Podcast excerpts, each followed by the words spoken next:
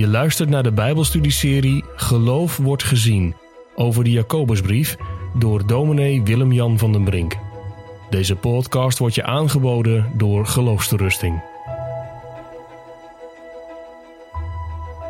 In Jacobus 2, vanaf vers 8 tot en met 13, wordt er nog één belangrijk thema behandeld. Ik zou dat willen samenvatten onder het thema de koninklijke wet. Vers 8 en 9 zouden we kunnen samenvatten met de woorden de eenvoud van de wet. Vers 10 en 11 kunnen we samenvatten onder het thema de eenheid van de wet. En de versen 12 en 13 de ernst van de wet. Daar gaan we nu samen over nadenken. Het woordje wet is in deze laatste versen van hoofdstuk 2 een kernwoord. Als je zo deze versen goed leest, dan zie je dat in vers 8, 9, 10, 11 en 12, behalve in vers 13, dat woordje wet wel vijf keer voorkomt. En het woordje wet is dan ook een verwijzing naar de wet van God. Het is de koninklijke wet. In het vorige Bijbelgedeelte heeft Jacobus laten zien dat in de kerk discriminatie verboden is. We hebben gezien dat God armen verkiest en niet de rijken. En dat Jacobus zegt, in de kerk mogen wij de rijke mensen niet voortrekken ten opzichte van de arme mensen. En nu in vers 8 zegt Jacobus waarom dat nou niet toegestaan is. Gods wet, Gods koninklijke wet verbiedt dat. Als u echter de koninklijke wet volbrengt, volgens de schrift, u zult uw naaste lief hebben als uzelf, dan handelt u goed. Dus Jacobus, heel mooi, laat zien, ik bedenk dat niet zelf, het staat in de schrift, volgens de schrift. En Jacobus die citeert dan in vers 8 uit Leviticus 19 vers 18 en daar staat heel eenvoudig dat we onze naaste moeten liefhebben als onszelf. Onze buurman, onze collega, wie je ook maar tegenkomt, je naaste moet je liefhebben als jezelf.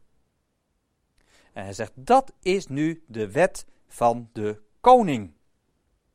Nou, denk maar aan een land waar een koning de baas is. Iedereen heeft zich aan deze wet te houden.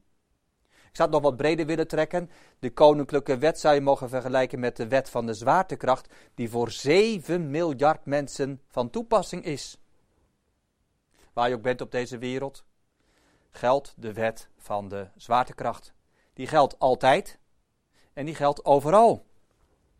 Stel, jij negeert de wet van de zwaartekracht en je springt van de flatgebouw van drie verdiepingen. Ik weet zeker dat jij je nek breekt en dat je dat niet overleeft.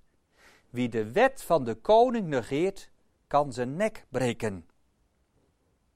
Wie de wet van de koning negeert en overtreedt, treedt, die kan en die zal voor eeuwig sterven. Wat is nou die wet? Heel eenvoudig. Liefde tot God, liefde tot de naaste. Er zijn heel wat dominees die na de lezing van de tien geboden, smorgens, dat ook samenvatten met de woorden die de Heer Jezus ons meegeeft. Dat wij God moeten liefhebben boven alles en onze naaste als onszelf.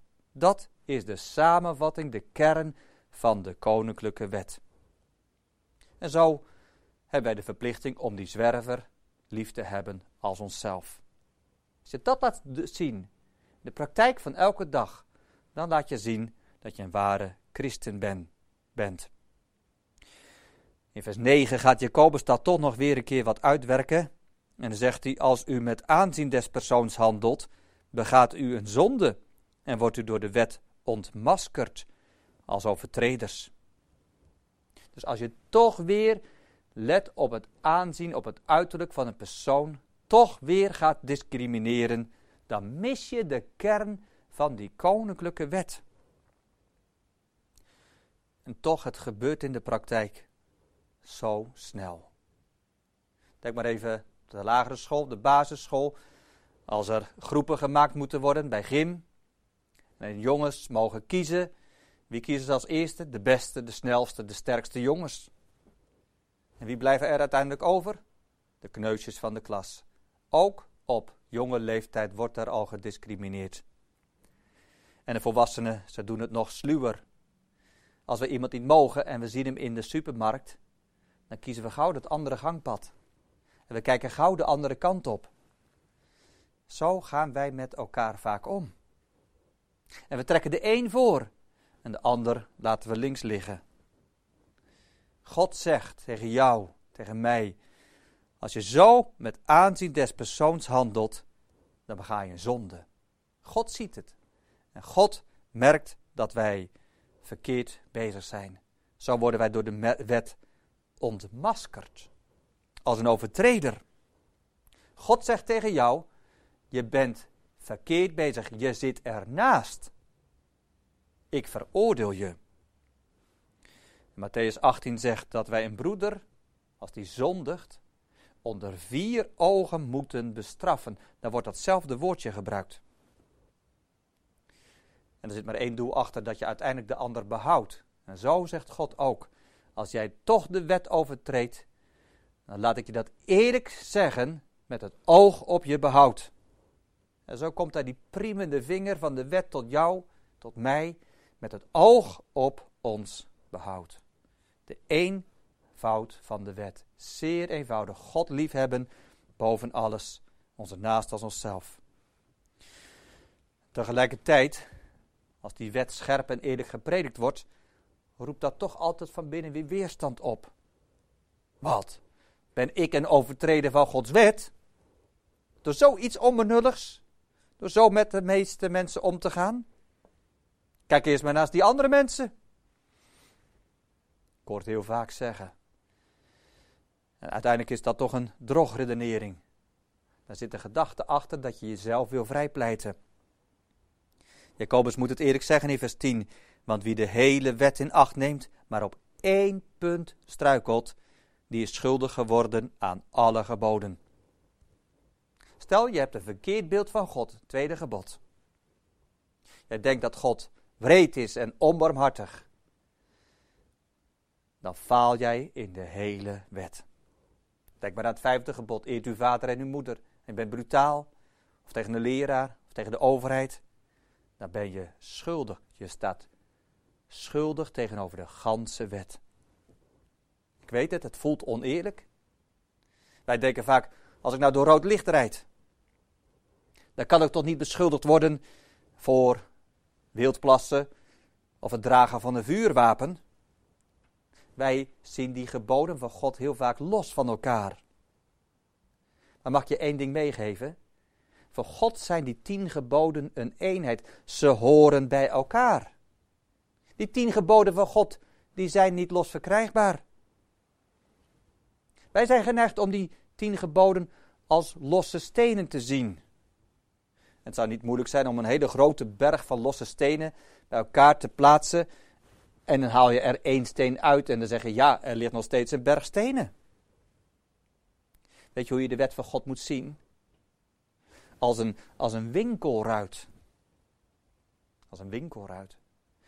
En je pakt de steen en je gooit die steen door die winkelruit. Dan moet je zeggen, de hele ruit is kapot, hoewel 95% van het glas er nog in zit. Nou, zo zegt Jacobus, als jij één gebod overtreedt, dan heb je uiteindelijk die hele wet van God overtreden. De hele ruit moet vervangen worden. Nog een voorbeeld om dat duidelijk te maken. Stel, er is een orkest. Allemaal mensen doen mee met hun eigen muziekinstrument. Als er nou één viool is die niet goed is afgestemd, dan is het hele orkest niet zuiver. Of je rijdt op je fiets. Je rijdt door een spijker. Er zit een piepklein gaatje in de binnenband. Dan is toch de hele band lek. 95% is nog goed. En toch heeft de band zijn functie verloren. Het is een eenheid. En zo zegt ook vers 11: Immers hij die gezegd heeft: U zult geen overspel plegen, heeft ook gezegd: U zult niet doodslaan. Als u dan geen overspel bedrijft, maar wel doodslaat, bent u toch een wetsovertreder geworden. Heel opvallend dat Jacobus hier de volgorde van de tien geboden omdraait. Hij noemt eerst het zevende gebod en dan het zesde gebod. Hoe komt dat? Nou, Jacobus die citeert hier uit de Griekse vertaling van het Oude Testament, de Septuagint. En daar zijn die geboden omgedraaid. De Heer Jezus doet dat ook als hij in Lucas 18 in dat gesprek met die rijke jongeling ook verwijst naar de geboden. Dan gebruikt de Heer Jezus dezelfde volgorde. Dus wij moeten niet te snel zeggen dat, dat Jacobus hier op een verkeerde manier uit de Bijbel citeert. Nee, Jacobus is heel bewust bezig met het citeren van eerst dat zevende gebod en dan het zesde gebod. Hij sluit aan bij de Bijbel van zijn lezers. Hij sluit aan bij de Bijbel van zijn hoorders. Het tweede wat heel opvallend is dat juist deze twee geboden genoemd worden. Het zevende gebod en het zesde gebod, gij zult niet doodslaan. Jacobus weet heel goed dat zijn Joodse lezers weten dat de Joodse traditie zegt dat wie een arme niet helpt, te vergelijken is met een doodslager. Het Joodse boek Jezus Sirach zegt dat ook. Als nou een arme een synagoge binnenkomt en zo iemand niet wordt geholpen, dan zegt dat boek Jezus Sirach dat dat gelijk is aan moord. Je doet net alsof die ander dan niet voor jou bestaat. Een arme niet helpen staat gelijk aan moord. We de toepassing eens maken? Voor God maakt het niet uit of jij een overtreder bent van het zevende gebod of een overtreder bent van het zesde gebod. Praktijk is in de kerk ook vaak wel anders. Het zevende gebod wordt er heel vaak uitgelicht. Er wordt vaker schuldbeleidenis gedaan over het zevende gebod, gij zult niet echt breken, dan dat er bijvoorbeeld schuldbeleidenis wordt gedaan over het negende gebod. Het lasteren met die tong. Voor God zijn beide zonden overtredingen van Gods heilige wet. Als jij onterecht boos bent, is dat voor God doodslag. En één zondige begeerte. Een vrouw aanziet, heb je overspel in je hart met haar gedaan. En zo is er maar één conclusie ook mogelijk. We zijn allemaal, wie we ook zijn, ook jij, een overtreder van Gods heilige wet. En wij hebben de neiging om onze slechte daden te compenseren met onze goede daden. Weet je wie jij nodig hebt? Christus. Hij heeft die wet van God volmaakt gehouden. Wij liggen allemaal onder de vloek van Gods wet. Wij mogen het wel zeggen met Psalm 143: ga niet in het gericht met uw knecht. Wij staan niet vrij ten opzichte van God. Niemand kan voor God bestaan. En zo is die eenheid van Gods wet, die tien geboden, zo helder te zien in dit gedeelte van Jacobus 2. Jij moet niet denken dat als ik van die tien geboden er zes weet te houden, dat ik er dan wel kom. Wij leven in een zesjescultuur. Als ik er zes heb gehaald, dan ben ik er. Nee, zegt God. Als jij denkt dat je zes van de tien geboden houdt in je leven, dan zul je niet zalig worden. Het gaat om de eenheid van Gods wet. Tegelijkertijd gaat het ook om de ernst van de wet. Vers 12 en 13 laat ons dat zien. Spreek zo en handel zo als mensen die geoordeeld zullen worden door de wet van de vrijheid. Want onbarmhartig zal het oordeel zijn over hem die geen barmhartigheid heeft bewezen. En de barmhartigheid triomfeert over het oordeel. Niet alleen het woordje wet komt vijf keer terug, het woordje oordeel komt in deze twee versen ook drie keer terug. Letterlijk staat er crisis. Het gericht komt. Jacobus laat ons nadenken over de ernst van de wet. Er komt een moment dat wij voor de rechterstoel van God geplaatst gaan worden, volgens deze wet. De ernst van de wet bepaalt ons niet alleen bij het heden, hoe leef ik nu? Maar bepaalt ons ook bij de toekomst. En die twee woorden die wil ik nog wat uit gaan werken. Heden. Vers 12 zegt het. Spreek zo, nu. En handel zo als mensen die geoordeeld zullen worden door de wet van de vrijheid. Wat jij vandaag doet, wat jij morgen doet. In je spreken, in je taalgebruik, in je handelen, in je omgaan met de naaste. Dat komt een keer terug. De Heer Jezus zegt dat wij van elk ijdel woord een keer rekenschap moeten afleggen. Houd jij daar vandaag rekening mee? Wij zijn allemaal geneigd om dat weg te stoppen en om dat te vergeten. Er staat in Prediker 3, vers 15, dat God zoekt dat weggedrevene. Wat wij wegstoppen, dat zal God weer tevoorschijn halen. Alle daden komen terug uit het heden. En God zal ons daarover oordelen. Zul je niet vergeten dat voor God alle dingen naakt en geopend zijn. Dat zijn ogen de ganse aarde doorlopen. Er zijn heel wat mensen die heel weinig rekening houden met Gods wet. Het valt mij op dat de mensen die het minst rekening houden met Gods wet, het makkelijkst denken over het gericht van God. Heel veel mensen die geen kennis hebben van de Bijbel, die hebben een ijdele hoop. Die denken, oh straks komt het met mij wel goed.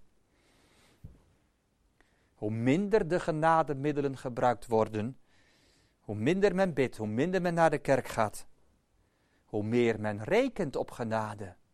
Oh, met mij zal het vast wel goed aflopen. Je wordt vanmorgen ontmaskerd. En daarom zegt Jacobus: hou in het heden rekening met Gods wet. Hoe spreek ik? Spreek zo. Hoe leef ik? Handel zo. Als mensen die geoordeeld zullen worden door de wet van de vrijheid. En zo gaat het dus ook om de toekomst. Er komt een moment van gericht. En de ware christen, die zal uiteindelijk mogen leven van de barmhartigheid in Christus. Die kan roemen in het oordeel. Vers 13 zegt het, want onbarmhartig zal het oordeel zijn over hem die geen barmhartigheid heeft bewezen. En de barmhartigheid triomfeert over het oordeel. Wat een heerlijke boodschap. Wie in Christus is, die zal de vrijspraak ontvangen in dat komende oordeel. Er is geen verdoemenis, er is geen veroordeling voor degenen die in Christus zijn, die niet naar het vlees wandelen. De christen die leeft uit Christus, die heeft dus oog voor de naaste om zich heen. Die is vol van zijn liefde en die mag roemen, die mag triomferen over het oordeel. En als jij Christus nou niet kent, dan zal er een onbarmhartig oordeel over jou uitgesproken worden. Denk maar even aan die gelijkenis van die barmhartige Samaritaan. Daar ligt die man half doodgeslagen aan de kant van de weg. Er zijn genoeg vrome priesters, ook in de kerk. Er zijn genoeg keurige levieten. Maar als ze daar die naasten zien liggen, wat doen zij? Met een grote boog er omheen lopen en geen oog laten vallen op die naaste. Dat is hun onbarmhartig oordeel. De ander gewoon half dood daar laten liggen. Voel je iets van de nood van die stervende medemens om je heen? Wat hebben we nodig dat we leven uit Christus, die barmhartige hoge priester? Dat is de ernst van de wet. De Heer Jezus zegt het. Wie met mij niet is, die is tegen mij. Nog een keer. Wie met mij niet is, die is tegen mij. Hou jij vandaag in je woorden en in je daden rekening met het toekomstige oordeel?